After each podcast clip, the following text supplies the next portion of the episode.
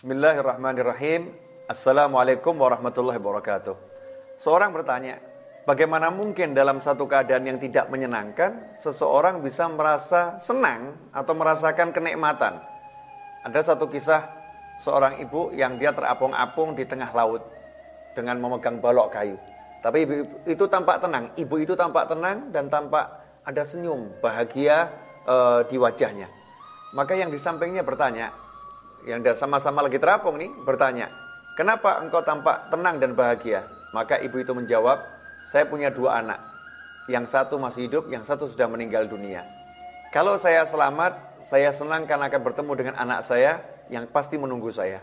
Kalau saya meninggal, saya pun senang karena saya pasti akan bertemu dengan anak saya yang ada di alam barzah sana.